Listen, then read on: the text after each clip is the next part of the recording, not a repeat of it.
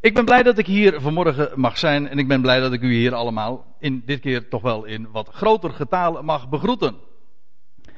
En wij willen vanmorgen, en niet alleen vanmorgen, maar vanmiddag ook, nadenken over dit thema. Gods gerechtigheid. En ik stel me zo voor dat we aan twee samenkomsten eigenlijk ook niet voldoende hebben om dat thema nou eens even heel goed uit te diepen. Maar om in elk geval in twee bijeenkomsten, en dat kan wel heel goed, denk ik.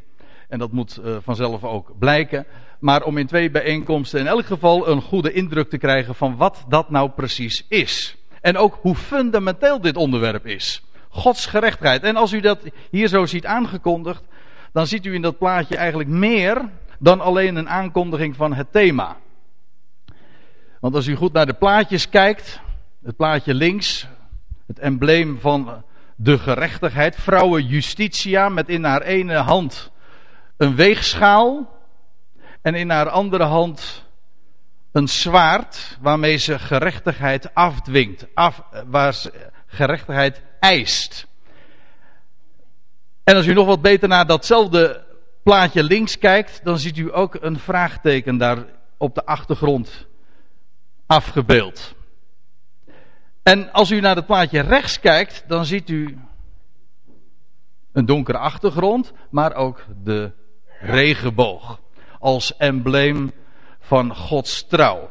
En daar staat een uitroepteken achter. Als u deze dag zo bijwoont, en ik geef deze studies uh, vanmorgen en vanmiddag, dan zult u merken dat, dat dit plaatje ook precies weergeeft wat er vanmorgen en vanmiddag be, besproken zal worden. En ook hoe. Dat wil zeggen, er zal een vraagteken gezet worden bij dat linkerplaatje. En er zal een uitroepteken volgen op dat rechterplaatje. Dat wil zeggen, Gods gerechtigheid heeft niet te maken met vrouwen justitia die gerechtigheid eist, afdwingt. Maar het heeft te maken met Gods trouw. Nou, u kunt eigenlijk wel weer gaan. Want dat was het. Hm? Maar ik heb nog een paar voetnoten. En dat is vooral zoveel. Uh, dat kost nogal wat tijd. Het kan zijn dat u een kerkelijke achtergrond hebt. Ik denk heel wat van u hier, als ik dat zo eens na zou vragen en ik kijk zo en voor zover ik het mijn publiek ken, dan weet ik gewoon, er zijn hier heel wat mensen die uh, een kerkelijke of meer speciaal een Calvinistische achtergrond hebben. En dan, dan weet u ook van de Heidelberger catechismus. En ik moet er ook bij zeggen dat als u een christelijke achtergrond hebt. Kijk, het is natuurlijk geweldig om met de Bijbel groot geworden te zijn. En als je al van jongs af aan aan de, de Bijbel hebt leren kennen en de verhalen waar, waar mijn broer Dirk het zojuist ook over had. Als je dat al verstaat, is geweldig. Maar het heeft ook een heel groot nadeel. Vaak. Laten we eerlijk zijn. Want het kan namelijk zijn dat je zomaar, en ik weet even niet een beter woord, maar het kan zomaar zijn dat u dus besmet bent. Besmet namelijk door traditie. Besmet bent met een bepaald idee, waardoor je van jongs af aan groot wordt met bepaalde gedachten die vanaf de kansel verteld worden, of die tijdens de catechisatie onderwezen worden, of hoe dan ook.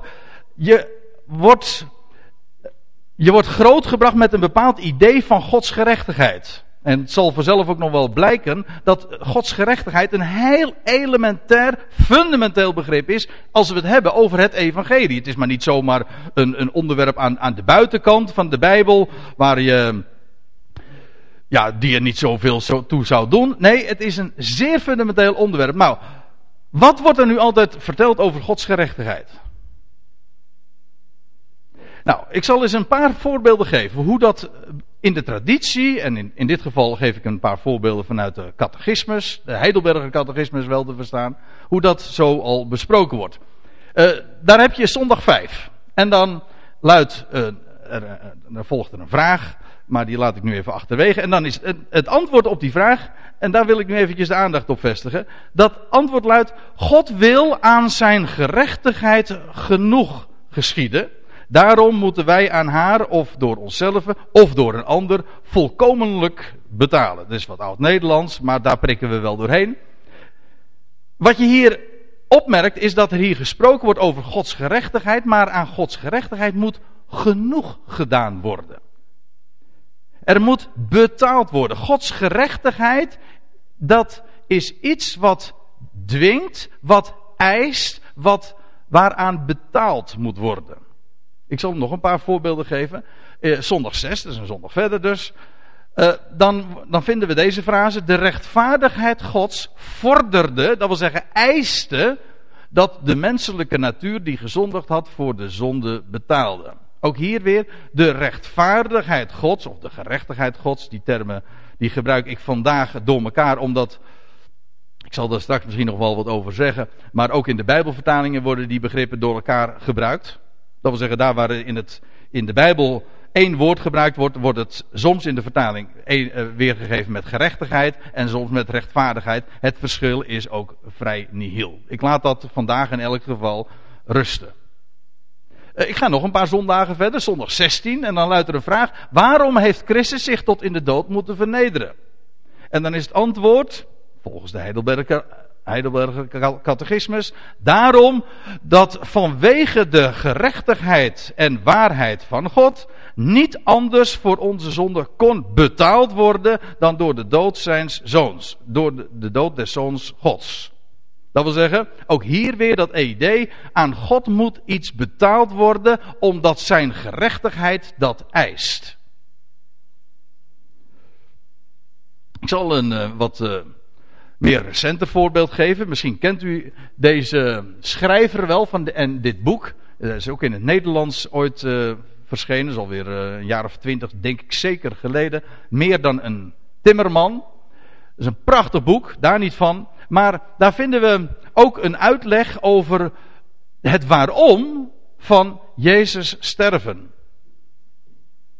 En daar bestaan zoveel misverstanden over. En ik zeg misverstanden, maar ik moet eigenlijk zeggen, eh, zulke ideeën die, als je de Bijbel erop naslaat, dan blijkt dat het precies haaks daarop staat. Ik zal, ik zal even voorlezen wat die Josh McDowell daarover zegt. Toen hij, dan heeft hij het over Jezus, naar het kruis ging, bijna 2000 jaar geleden, stortte een heilige, rechtvaardige God zijn toorn uit over, over zijn zoon. En toen Jezus zei: Het is volbracht, was Gods rechtvaardige aard tevreden gesteld. En dan even later, je zou kunnen zeggen dat God op dat moment verlof kreeg om de mensheid met liefde te behandelen zonder een zondig mens te hoeven verdelgen. Ziet u dat het een heel donker, duister idee is van gerechtigheid? Waarbij men inderdaad vooral de gedachte benadrukt dat Gods gerechtigheid iets is dat afdwingt en dat eist. Gods gerechtigheid vordert. Gods gerechtigheid eist. Gods gerechtigheid daaraan moet betaald worden.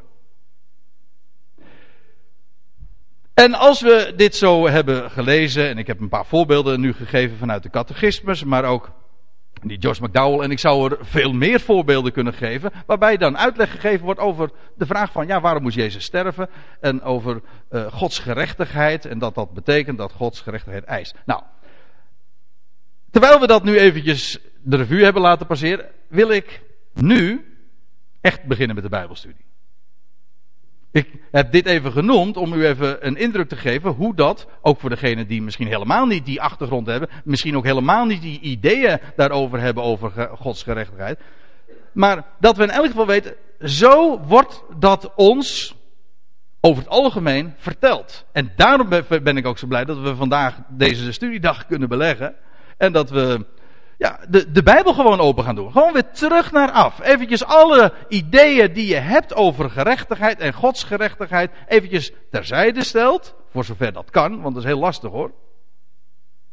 Om, alles, om alle ideeën die je hebt, om dat aan de kant te schuiven. Dat, doe, dat doet een mens niet zomaar. Maar weet je wat wel kan? Je kan gewoon de Bijbel gaan openen. En gewoon lezen wat er staat.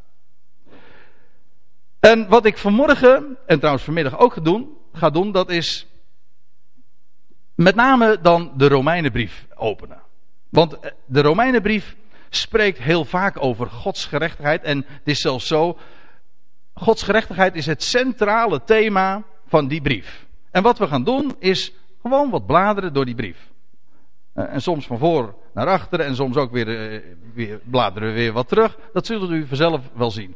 En daarbij vinden we de antwoorden. De antwoorden we vinden, vinden we in de schrift, in de, in de boekrollen.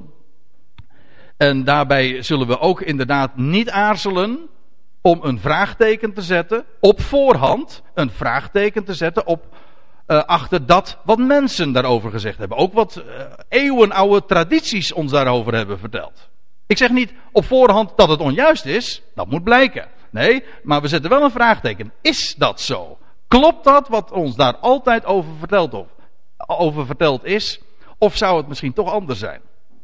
En in de wijze waarop ik het nu voorstel, weet u, begrijpt u me natuurlijk al meteen in welke richting deze dag zal gaan. Maar goed, ik ga u gewoon stap voor stap meenemen.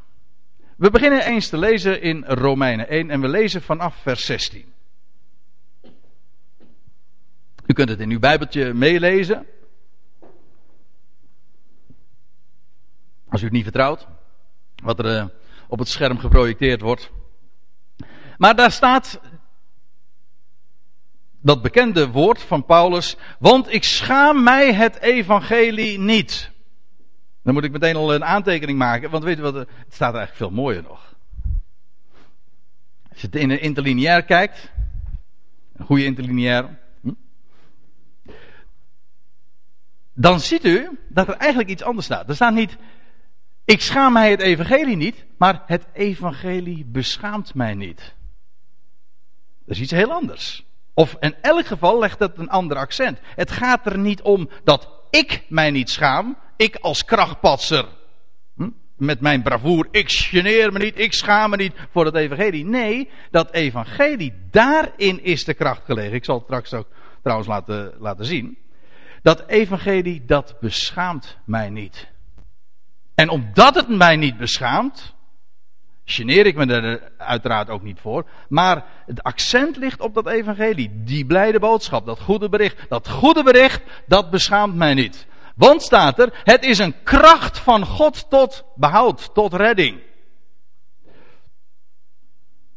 Waarmee je dus meteen ziet dat de kracht is gelegen niet in mij, die zoveel bravoer heeft dat ik daarvoor durf uit te komen. Nee, Paulus zegt, het evangelie beschaamt mij niet. Waarom niet? Omdat het evangelie kracht heeft. En wel kracht Gods. Waarbij ik het altijd mooi vind dat het woordje kracht, in het Grieks, dat is dynamis. En daar komt ons woordje dynamiet weer vandaan. Dat vind ik wel leuk. Want zeker in dit verband uh, is dat een hele goede weergave van wat het evangelie werkelijk ook is. Het evangelie is kracht. Het is power. Het is inderdaad ook dynamiet. En het zal ook dikwijls blijken dynamiet en ook verwoestende krachten hebben. Ja, dat is ook zo. Voor menselijke bouwwerken. Dat zullen we vandaag ook zien. Het is fataal voor dat wat de mens zelf opbouwt. Het is een geweldige kracht, een innerlijke kracht van vrede, van blijdschap, maar het is ook verwoestend voor dat wat de mens zelf opbouwt. Omdat alle aandacht, alle schijnwerpers worden gericht op wie God is. Als de plaatser, als degene die alles in de hand heeft en die kracht geeft. Het is een kracht Gods tot redding, tot behoud. En dan staat er achter nog, voor een ieder die gelooft. Zegt Paulus in zijn dagen er nog bij. Eerst voor de Jood, maar ook voor de Griek. Let even op dat voor een ieder die gelooft. Ik wil u graag uh, daar wat meer over vertellen. Wat het wel betekent en wat het niet betekent. Want beide is van belang. En dat heeft ook weer te maken uh, met dat waar we gewoon groot mee geworden zijn, over het algemeen. Wat ons verteld wordt over voor een ieder die gelooft, omdat het altijd wordt uitgelegd als iets wat beperkend zou zijn. Het is iets wat we trouwens heel dikwijls in de, met name ook in de Romeinenbrief terugvinden. Ik lees maar er iets voor, het Romeinen 10. Dan zegt Paulus, want er is geen onderscheid als het hier om gaat. Ik bedoel, God heeft een geweldig plan met het volk Israël. En dat was ook in de dagen van het Nieuwe Testament. Toen Paulus deze brief aan de Romeinen nog schreef. Hè, toen ging het evangelie ook naar Israël. Eerst voor de Jood, toen in die dagen ook. Dat is waar. Maar als het er om gaat om redding. Dan zegt Paulus, er is geen onderscheid tussen Jood en Griek. En immers, zegt hij, één en dezelfde is Heer van allen. In de MBG-vertaling staat ten onrechte over allen, maar er staat letterlijk een tweede naamval. Hij is Heer van allen, rijk voor allen die hem aanroepen. Waarbij ik ook inderdaad even de nadruk wil leggen in de eerste plaats op dat Heer van allen, want dat geeft aan dat Hij inderdaad de, de Heer is, dat wil zeggen de eigenaar, dat wil zeggen alles en allen zijn zijn eigendom. Dat is, e- dat is ook in wezen het evangelie in een notendop. Jezus Christus is de Heer, de eigenaar van alle mensen. Waarom? Wel zegt, dat, dat wordt elders uitgelegd, de losprijs is betaald voor allen. Hij betaalde de prijs voor alle mensen. En daarom is hij ook Heer van allen. Waarbij dus ook mee, waarmee gezegd ook is dat de hele vraag waar zoveel mensen mee tobben, ook in de kerkelijke wereld, van ben ik wel zijn eigendom, in één klap een gepasseerd station is. Dat wil zeggen, het is, wordt glorieus beantwoord door, deze, door zo'n statement. Het evangelie is de boodschap dat Jezus Christus Heer is van alle mensen. Je bent zijn eigendom. Je weet het misschien niet, maar hij is jouw eigenaar. En dan staat erachter, hij is Heer van alle en rijk voor alle die hem aanroepen. Dat is net zo'n bijbelse waarheid. Dat wil zeggen, de rijkdom komt tot je op het moment dat je hem gaat aanroepen in waarheid en van harte.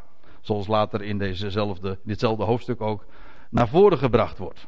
Maar is dat dan beperkend, dat laatste? Kijk, je, hebt, je zou twee cirkels kunnen, kunnen uitbeelden naar aanleiding van dit vers. Hè? Dan vind je dus, hij is een heer van alle, van alle mensen namelijk, en hij is rijk voor alle die hem aanroepen. Kijk, dat betekent, hij is Heer van allen. Dat wil zeggen van heel die mensheid. En daar heb je ook een groep. Dat zijn allen die hem aanroepen. Nu, in deze tijd, zijn dat twee cirkels. Niet waar? Niet allen roepen hem aan. Maar wat de Bijbelse boodschap nu juist is, dat hij is Heer van allen en er komt een moment dat alle mensen hem zullen aanroepen. Dat allen die hem aanroepen, dat is geen beperking, dat is, het zegt iets heel anders, namelijk, hoe zal blijken dat hij de Heer is van allen? Wel doordat allen hem gaan aanroepen. En zo de rijkdom zullen gaan ontvangen van hem. Het is geen beperking, weet u waarom niet? Alle mensen gaan hem aanroepen. Alle knie gaat buigen en alle tong zal gaan beleiden. Jezus is Heer. En dan roept elk mens, heel de wereld, hem aan. Zodat die binnenste cirkel, wacht even, zo moet ik het goed zeggen. Die binnenste cirkel, die breidt zich uit, zodat je maar één cirkel overhoudt. Hij is Heer van allen, en die, diezelfde allen zullen hem bij gelegenheid ook aanroepen. Het is zelfs zo, in het Oude Testament lees je al dat God dat met een eed gezworen heeft. Jezaja 45. Daar lees je dat God onder een, dat doet God niet gauw hoor. Maar, maar bij een paar gelegenheden lees je in de Bijbel dat hij een eed zweert. Normaal gesproken is het ook meer dan voldoende als God iets belooft. Maar bij hele bijzondere gelegenheden, dan zweert God, ja, bij de hoogste naam, dus bij zichzelf. En dan lees je dat alle knie gaat buigen en alle tong zal beleiden tot eer van God de Vader. Niet gedwongen, nee, tot eer van God de Vader. Hij is Heer. En dan roept inderdaad elk een hem aan. Waarmee ik dus wil zeggen, als, als er staat, uh, nou moet ik eventjes helemaal weer teruggaan.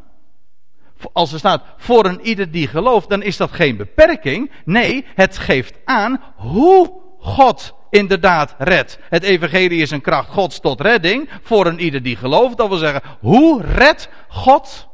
Wel, door de mens tot geloof te brengen. Tot erkenning van hem te brengen. Dat is trouwens iets wat je ook helemaal niet op commando kunt. Dat is geen eigen werk. Geloven kun je niet op commando, hè? Ofwel, ja, sommige mensen, dan heb je het weer, uh, ook, dat, is ook, dat is ook zo'n gedachte, hè, waarmee, dat al, waarmee we groot geworden zijn, velen van u en, ik eigenlijk ook, dat is, ja, geloven, uh, dat, is, uh, dat is iets, ja, dat is een keuze maken. Maar geloven kun je helemaal niet op commando, weet u dat? Geloven is vertrouwen. Je kan, toch, je kan, ook, niet, je kan ook niet blij zijn op commando. Ja, je kan wel lachen op commando. Maar dat is wat anders dan blij zijn op commando. Dat kan niet. Je kan ook, je kan ook niet verdrietig zijn op commando. Als ik tegen u zeg van u moet nu verdrietig zijn, dan zeg je ja, sorry. Uh, ik zou het wel graag willen. ja, sommige mensen koesteren het, hè, dat kan ook nog. Maar u begrijpt wat ik bedoel. Kijk, je kan, je kan eventueel nog wel huilen op commando. Sommige mensen kunnen dat, hè. Dan krijg je krokodillentranen. Dat, dat kan nog. Maar blijdschap, verdriet, maar dat geldt ook voor geloof, dat wil zeggen vertrouwen. Kijk, kiezen kan je nog, hè. Kies voor Jezus. En mensen zeggen dan, dat is geloof. Nee, dat is geen geloof. Weet u wel hoe, hoe vaak dat wordt voorgesteld? He, dan krijg je de keuze van hemel en hel. En dan wordt er gezegd, als je nou kiest voor Jezus, kom je in de hel. Eh, pardon, eh, als je... Ja, ik ben, er al, ik ben er al een tijdje uit, dat hoort u wel. Hè? Als je kiest voor Jezus, dan kom je in de hemel. Als je niet kiest voor Hem, dan ga je eeuwig naar de hel. Dat is nauwelijks een keuze, moet ik zeggen. En mensen kiezen daarvoor. Hè, dan kiezen ze voor Jezus en dan steken ze hun hand op. Of dan bidden ze het zondagsgebed en dan weten ze, nou, nou ga ik naar de hemel, want ik heb voor Jezus gekozen. Maar is dat geloof? Nee, dat is geen geloof. Geloof is namelijk dat je vertrouwt op Hem. In wezen, als ik het heel, als ik het heel erg uh, scherp zeg, dan komt het erop neer. Dus zo, als je kiest op deze manier, hè, omdat je niet in de hel wil komen, dat is geen geloof. Dat is juist, dat is geen vertrouwen. Dat is een keuze op basis van wantrouwen. Je vertrouwt God juist niet en daarom denk je van ik moet kiezen voor Hem. Uit angst. Dat is geen vertrouwen, dat is geen geloof. Maar wat ik ermee wil zeggen is, geloof kun je niet op commando. Dat staat ook al in Efeze 2. Hè? Dat is geloof, redding, alles is een gave. Het is een gave Gods. Het is, zoals het in het boek Spreuken ook staat. Het oog dat ziet, het oor dat hoort, beide heeft de Heer gemaakt. En als je mag zien, en als je mag horen, als je mag verstaan, dan is dat omdat Hij je ogen daarvoor geopend heeft en niet anders. Daar kun je niet op commando, dat is geen eigen werk, dat doet Hij. Dat is een zaak ook van het hart. In elk geval, God. God is degene die door geloof, ik zal dat later eh, op deze dag ook nog wel wat nader uiteenzetten. Geloof is het middel. Het is niet, dat wil zeggen, ons geloof is niet de bron, de basis, nee, is slechts het middel waardoor God redt. Goed. Als het nu nog niet helemaal begrepen hebt, dat is geen probleem. Want we komen daar nog wat uitgebreider op terug. En nou komt het. De eerste keer van als we de schriften openen op die term de gerechtigheid Gods. Er staat in Romeinen 1 vers 17, want gerechtigheid Gods wordt daarin, waarin, wat, waar ging het ook alweer over? Over het evangelie. Het evangelie dat een kracht Gods is voor een ieder die gelooft. En dan staat erbij, want gerechtigheid Gods wordt daarin, dat wil zeggen in dat evangelie, geopenbaard. Waarmee dus gezegd is, wat is het evangelie? Waarom is het evangelie en waarom is het een kracht Gods tot redding? Wel omdat daarin klinkt gerechtigheid Gods, dat geopenbaard wordt. Is de eerste keer dat Paulus deze term gebruikt in zijn brieven. Ook hier dus in de Romeinenbrief. Nou moet ik u zeggen, die term gerechtigheid Gods vinden we heel vaak in het, al in het Oude Testament. Dat, dat er, met name in de, in de psalmen, wordt er heel vaak gesproken over zijn gerechtigheid. En ik wil een paar voorbeelden daarvan geven. Om u als het ware al een indruk te geven hoe vanuit het Oude Testament, de Tenach, de, de Hebreeuwse Bijbel, erover gesproken wordt, over Gods gerechtigheid. Is dat iets wat waarin iets geëist wordt? Wel, laten we, eens, laten we dat eens een keertje onderzoeken. Ik geef zomaar een aantal voorbeelden. Psalm 98, vers 2. Daar staat: De Heere heeft zijn heil, dat wil zeggen, dat is een oud Nederlands woord feitelijk voor redding. De Heere heeft zijn heil bekendgemaakt en zijn gerechtigheid geopenbaard voor de ogen van de volkeren. Ziet u het parallelisme in deze zin, in deze twee zinnen? Hij heeft zijn heil bekendgemaakt en zijn gerechtigheid geopenbaard. En dan zie je bekendgemaakt, die loopt parallel met geopenbaard. En uh, zijn heil, dat loopt parallel met zijn gerechtigheid. Gods gerechtigheid wordt in één adem genoemd met zijn heil. Ik lees verder. Psalm 145. Zij zullen de roem van uw grote goedheid verkondigen en jubelen over uw gerechtigheid. Gods gerechtigheid wordt in één adem genoemd met zijn grote goedheid. Niet als iets waarbij geëist wordt, nee, over zijn goedheid. Ik vind het trouwens prachtig als hier gesproken wordt over jubelen. Kijk, het gaat er ook vandaag helemaal niet om dat wij een goed dogmatisch inzicht krijgen in, in wat Gods gerechtigheid is. Alsof het een soort categorisatie is waarbij we de dingen eens even op een rijtje zouden kunnen zetten. Nee, weet u waar het werkelijk om gaat? Dat is dat we gaan, dat we gaan verstaan wat Gods gerechtigheid is. En als je, het, als je werkelijk gaat verstaan wat Gods gerechtigheid is, weet je wat er dan gaat gebeuren? Dan ga je jubelen. Dat is eigen aan het weten hoe het zit. Als je weet eh, eenmaal wat Gods gerechtigheid is, als je ogen daarvoor open gaat, dan ga je jubelen. Ja, het is niet zonder risico hoor om hier te zitten. Uh, Psalm 97. De hemelen verkondigen zijn gerechtigheid en alle volkeren zien zijn heerlijkheid. Nou, we zagen al, het wordt in één adem genoemd met, met, zijn goedheid, met zijn heil. En hier, de hemelen verkondigen zijn gerechtigheid en alle volkeren zien zijn heerlijkheid. Heerlijkheid en gerechtigheid wordt als min of meer synoniem, in ieder geval als parallel hier geïntroduceerd. Psalm 96. Hij komt, hij komt om de aarde te richten. Dat is trouwens ook een blijde boodschap. Want er is zoveel krom. En weet u wat God gaat doen? Als hij, als hij orde op zaken gaat stellen. Als hij straks gaat komen. Dit is een profetische psalm. Als hij gaat komen, dan gaat hij richten. Weet u wat richten betekent? Dat betekent niet iedereen, zijn, dat betekent niet zijn gram halen. Maar dat betekent hij gaat alles rechtzetten. Dat wat krom is, gaat hij recht maken.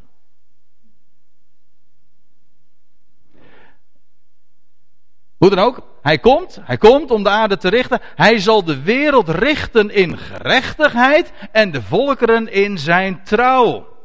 Gerechtigheid wordt hier gebruikt parallel met zijn trouw. Gods gerechtigheid is kennelijk zoiets als zijn trouw. En ik zeg nu zoiets, maar ik zal straks uh, gewoon ook zwart op wit aantonen dat het hetzelfde is. Gods gerechtigheid is zijn trouw. Psalm 31. Bij u, heren, schuil ik. Laat mij nimmer beschaamd worden. Doe mij ontkomen door uw gerechtigheid. Doe mij ontkomen? Hoe? Door uw gerechtigheid.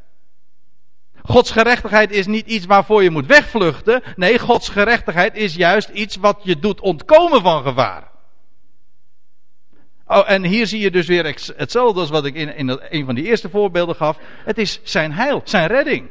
Dat is wat gerechtigheid, wat zijn gerechtigheid doet.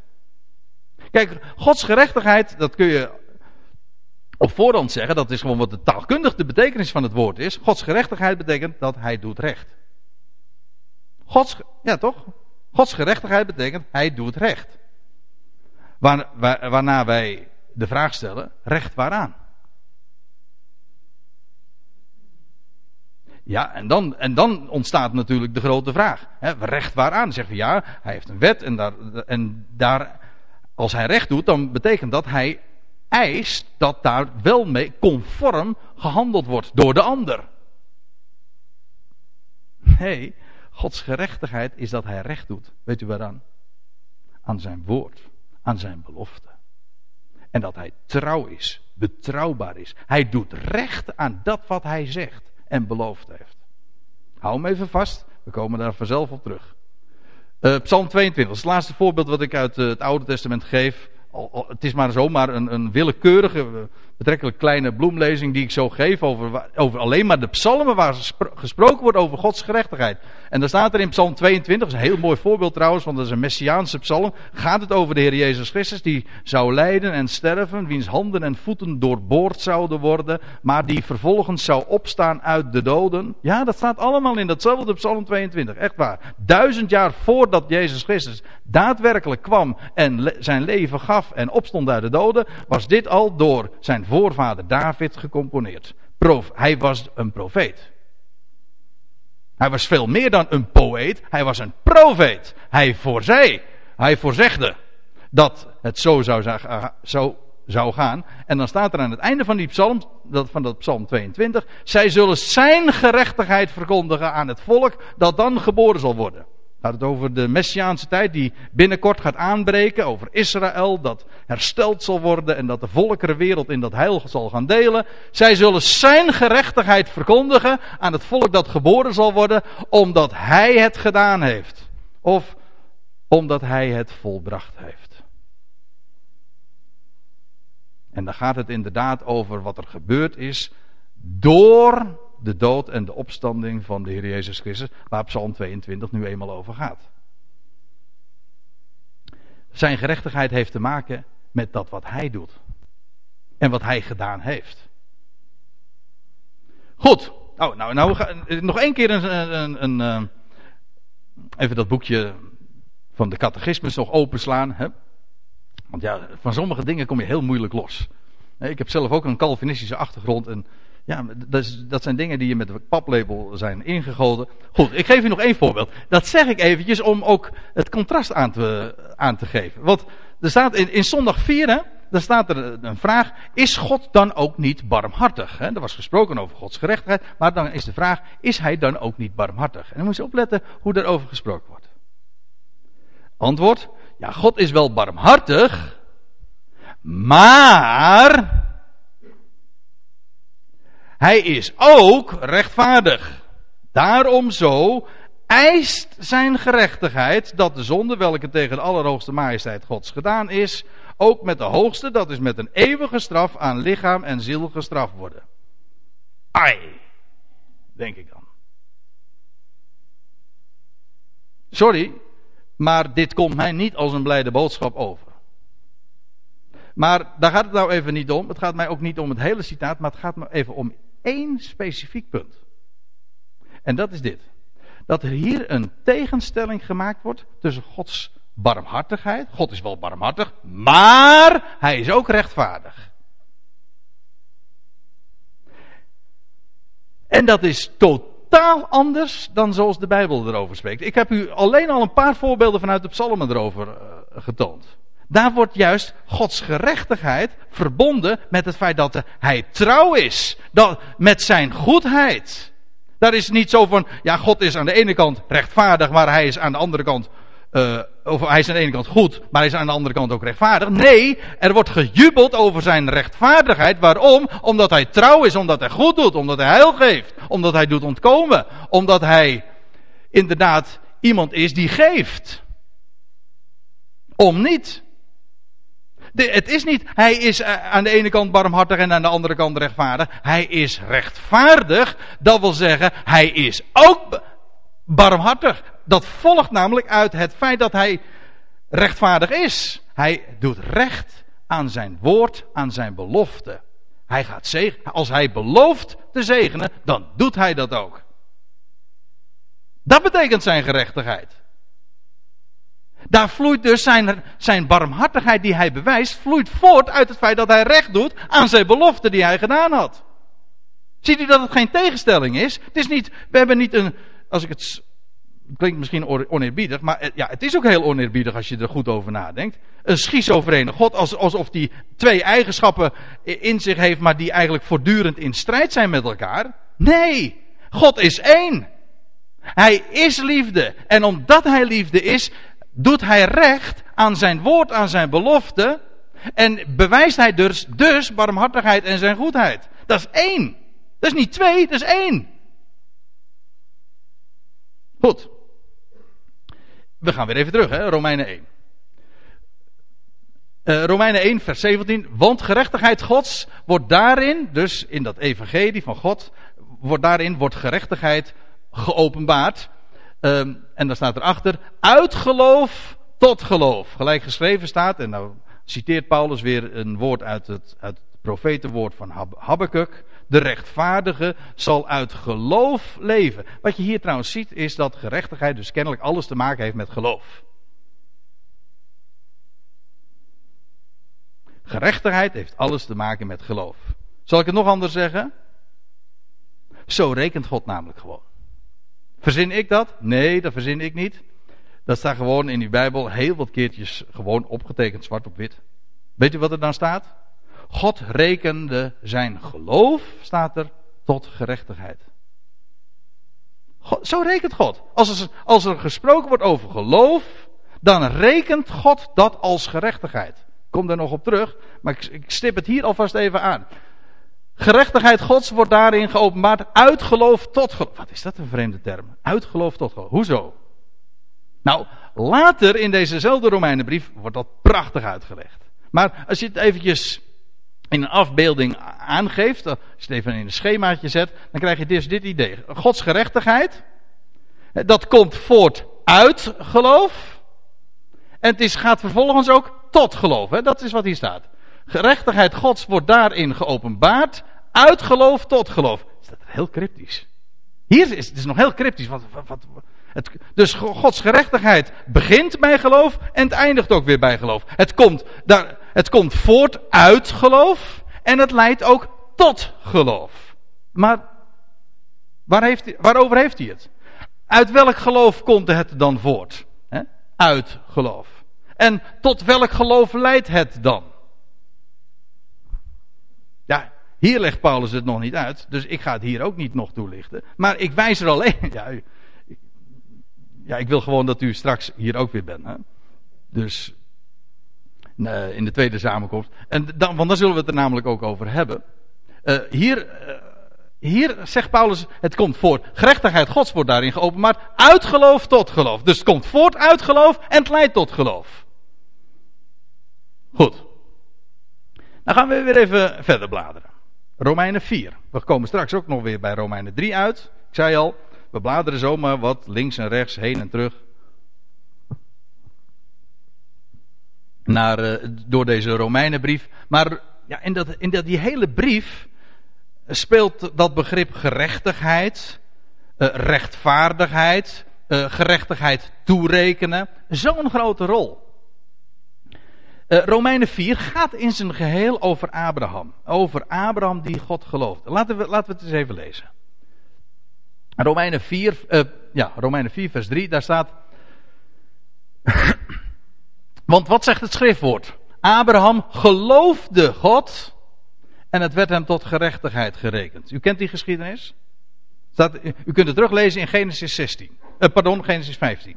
15 vers 6. En daar staat iets prachtigs. Hè? Daar wordt Abraham naar. Ja, Abraham die was inmiddels een oud man. Hij was kinderloos. Zijn vrouw was verstorven. Zelf was hij. Ja, zijn vrouw was, ging het niet meer naar de wijzen der vrouwen, zoals dat dan zo mooi eh, heet. Dat wil zeggen, zij eh, was onvruchtbaar en bovendien. Abraham was ook eh, niet vermogend. Impotent heet dat. Hè? Verstorven. En Abraham die dacht van ja, het was een rijke man en die hele erfenis die zal uiteindelijk gewoon gaan naar Eliezer, die, Damas, die man uit uh, Damascus. En ja, daar zal mijn erfenis aan toekomen. Nee, zegt God, jij krijgt een lijfelijke zoon. En dan wordt Abraham s'nachts naar buiten geroepen. Zo'n mooie geschiedenis. Want dan wordt er gezegd tegen Abraham. Kijk eens omhoog en dan ziet hij al die sterren aan de hemel staan. Ontelbaar als je in de woestijn bent, dan zie je er zoveel. En tegen zo, als het dan pik en pik donker is. En je ziet dan die ontelbare hoeveelheid sterren. En dan, en dan vraagt God, kun je stellen en dan, nee, staat er niet precies zo. Maar dan zegt God, kijk naar boven. Kunt gij ze tellen. En dan staat er, zo zal jouw nageslacht zijn. Wordt tegen een kinderloze oude man gezegd. Impotent, zijn vrouw was onvruchtbaar. Zo zal jouw nageslacht zijn. God belooft dat gewoon aan Abraham. Onvoorwaardelijk. Hij zei niet van, uh, als je mij, ook niet als je mij gelooft. Nee, ook niet als je dit of dat doet. Of als je in mijn wegen was. Niets, niets, niets aan voorwaarden. Er wordt gewoon gezegd, zo zal jouw nageslacht zijn. Punt. Uitroepteken. En weet u wat er staat? Abraham, in het Hebreeuws staat er dan, beaamde God. Hij zei amen op wat God beloofde. Hij geloofde God. En dan staat er, en God rekende het hem als, uh, tot gerechtigheid. Abraham was een rechtvaardige. Hoezo? Abraham geloofde. Abraham geloofde in het woord van God.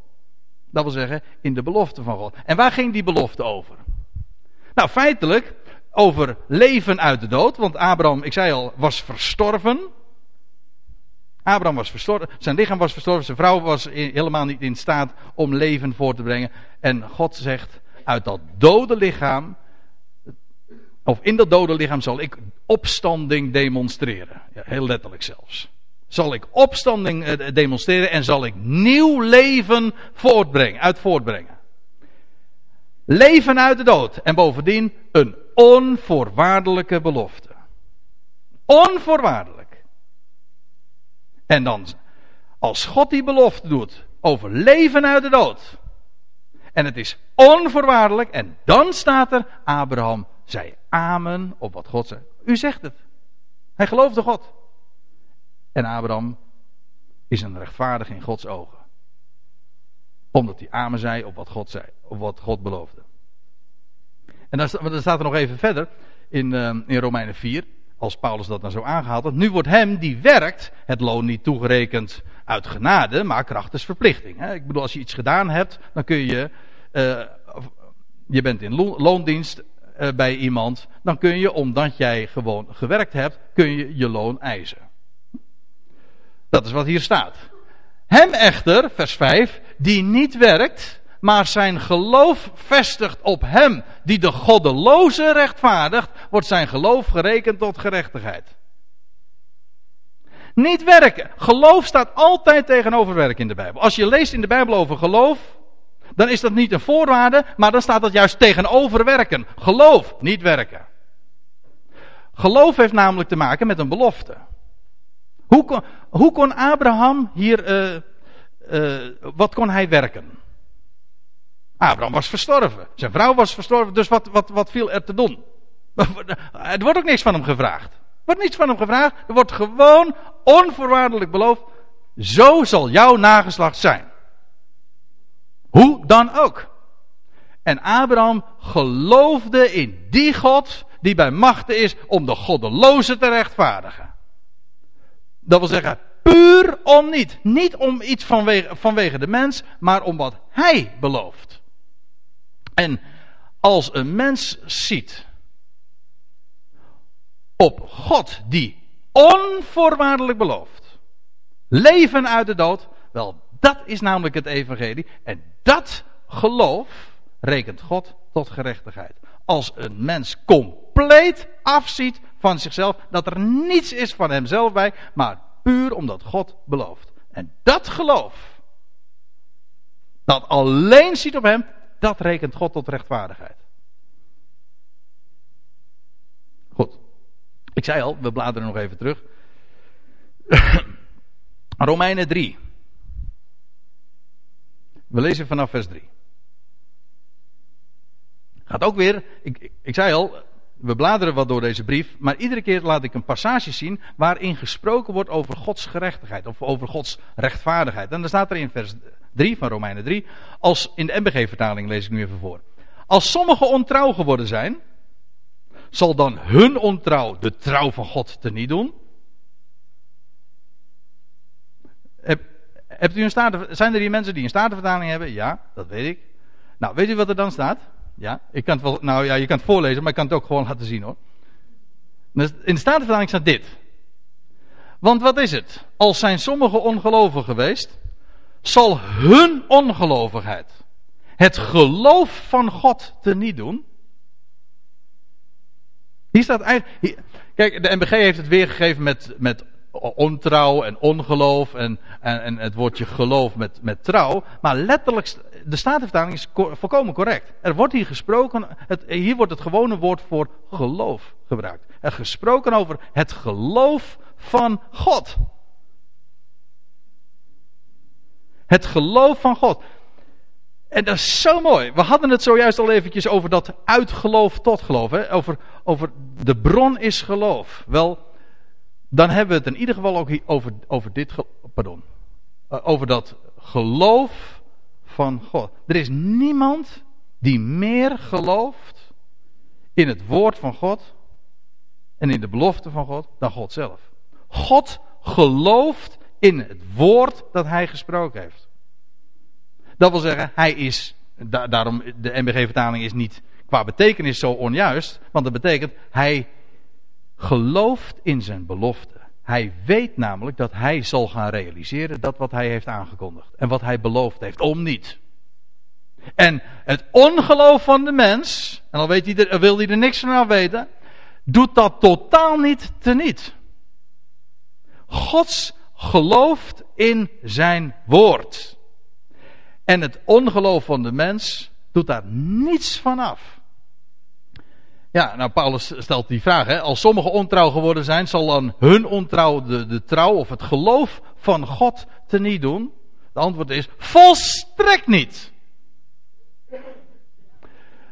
Maar het blijven, en nou eh, brengen we de zaken eventjes helemaal terug tot, tot de kern, tot de basis. En dan zegt Paulus, God waarachtig en ieder mens leugenachtig. Dat is dus inclusief al die mensen die hier in de zaal zitten.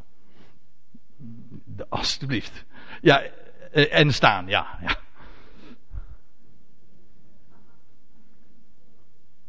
Ja, u dacht zeker dat het een handige manier is om mezelf nu even uit te sluiten. Hè? Nee, dat is dus gewoon elk mens. Want een mens kan van alles beloven en dan kan hij misschien nog van goede wil zijn. Je kan minister van Financiën zijn en bijvoorbeeld een garantie geven. dat is heel leuk hoor. En ik geloof echt dat die man dat ook wel meent. Maar eh, eh, steekt u uw hand daarvoor in het vuur? Nee, ik ook niet.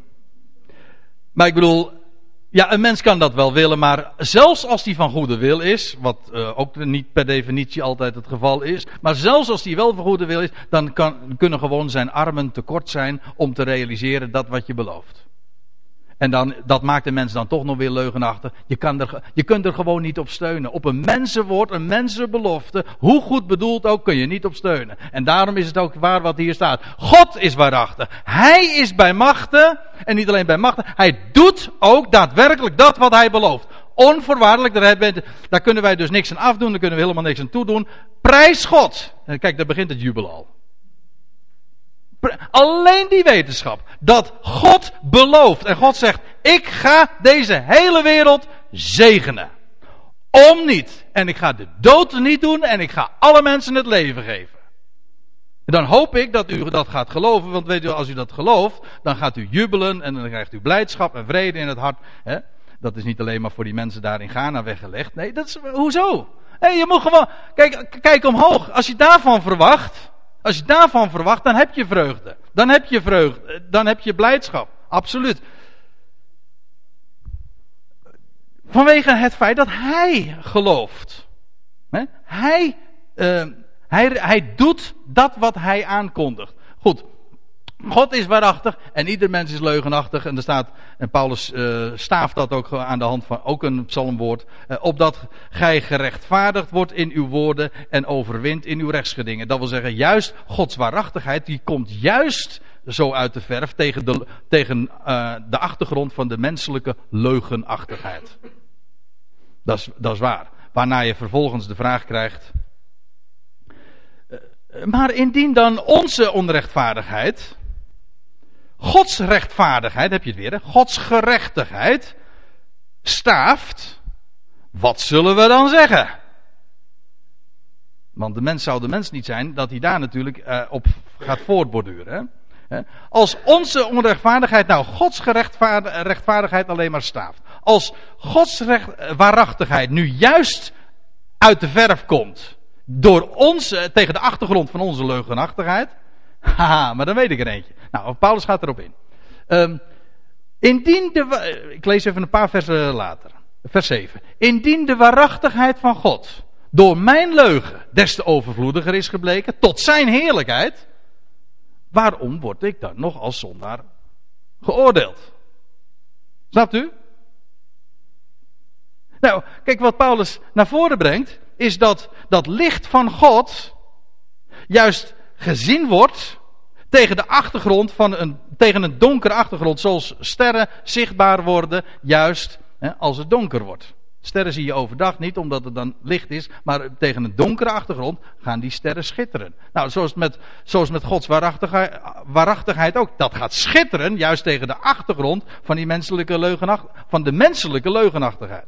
Nou zegt, nou zegt dan die denkbeeldige opponent, of degene die dan dat aanhoort, en zegt van, oh, maar dat komt er eigenlijk op neer, dat onze onwaarachtigheid, onze leugen, onze zonde enzovoort, alleen maar dus tot zijn eer is, tot zijn heerlijkheid. En ik denk, iemand die dat zegt, heeft in principe in elk geval de klok horen luiden. Alleen de conclusie eh, klopt niet. Nou, vers 8. Het is toch niet zoals men van ons lastert, zegt Paulus, hè? En sommigen ons laten zeggen. Laten we het kwade doen, opdat het goede eruit voortkomen. En dan zegt Paulus: het oordeel over deze is wel verdiend. Maar let nou eens even op. Wat zeggen ze? Waar, waarvan beschuldigde men nu Paulus? En wat, liet men, wat legde men in zijn mond? Als dit u bekend voorkomt, dan zeg ik, als deze laster en deze beschuldiging, als men dit in uw mond legt, dan zeg ik van prijs God, u bevindt zich in goed gezelschap, want dat betekent dat als men, de vijanden, dit uh, in uw mond leggen, als ze, ze u hiervan beschuldigen, dan betekent dat je kennelijk het evangelie hebt verteld. Als dit u bekend voorkomt. Kijk, de Bijbelse boodschap, en Paulus heeft dat rondgebazuind als leermeester van de natie, dat er een God is, bij wie nooit iets misgaat, en die allen onder de zonde heeft besloten. Waarom? Hij heeft de hele mensheid onder de zonde besloten. Dat is Romeinen 11 trouwens weer. Waarom? Nou, daar staat erachter. Opdat hij zich over alle zou ontfermen. Daarom, daarom heeft hij, die, heeft hij allen onder de zonde besloten om zijn ontferming te bewijzen. En mensen trekken daaruit de conclusie. Oh, dat betekent dus dat het kwaad een doel heeft en dat de zonde er niet zomaar is, maar dat het dus eigenlijk allemaal tot zijn eerlijkheid is. Dan zeg ik juist. Wat Paulus leerde was inderdaad dat God het goede laat voortkomen uit het kwade. Sterker nog, het kwade is een essentieel onderdeel om zijn goedheid aan het licht te brengen. Vanaf den beginnen. Dat mensen daaruit de conclusie trekken wat hier gedaan wordt, Paulus hebben ze, ze hebben het Paulus in de wond gelegd. Ze hadden hem wel horen praten. Ze hebben hem ze hoorden het evangelie en Paulus heeft daarover gesproken dat God het kwade inderdaad inzet om het goede eruit voor te laten komen. Hij zet het kwade in om dat zou, om te bewijzen dat hij de goede God is. Wel, men trekt de conclusie. Oh, Paulus leert dus eigenlijk gewoon, laten we het kwade doen, opdat het goede eruit voortkomen. Nou, mensen die dat uh, zeggen, die hebben er dus helemaal niets van begrepen. Maar het loutere feit dat ze hem daarvan beschuldigden, dat geeft aan dat Paulus dit inderdaad leerde. Dat, het, dat God uit het kwade het goede voortbrengt.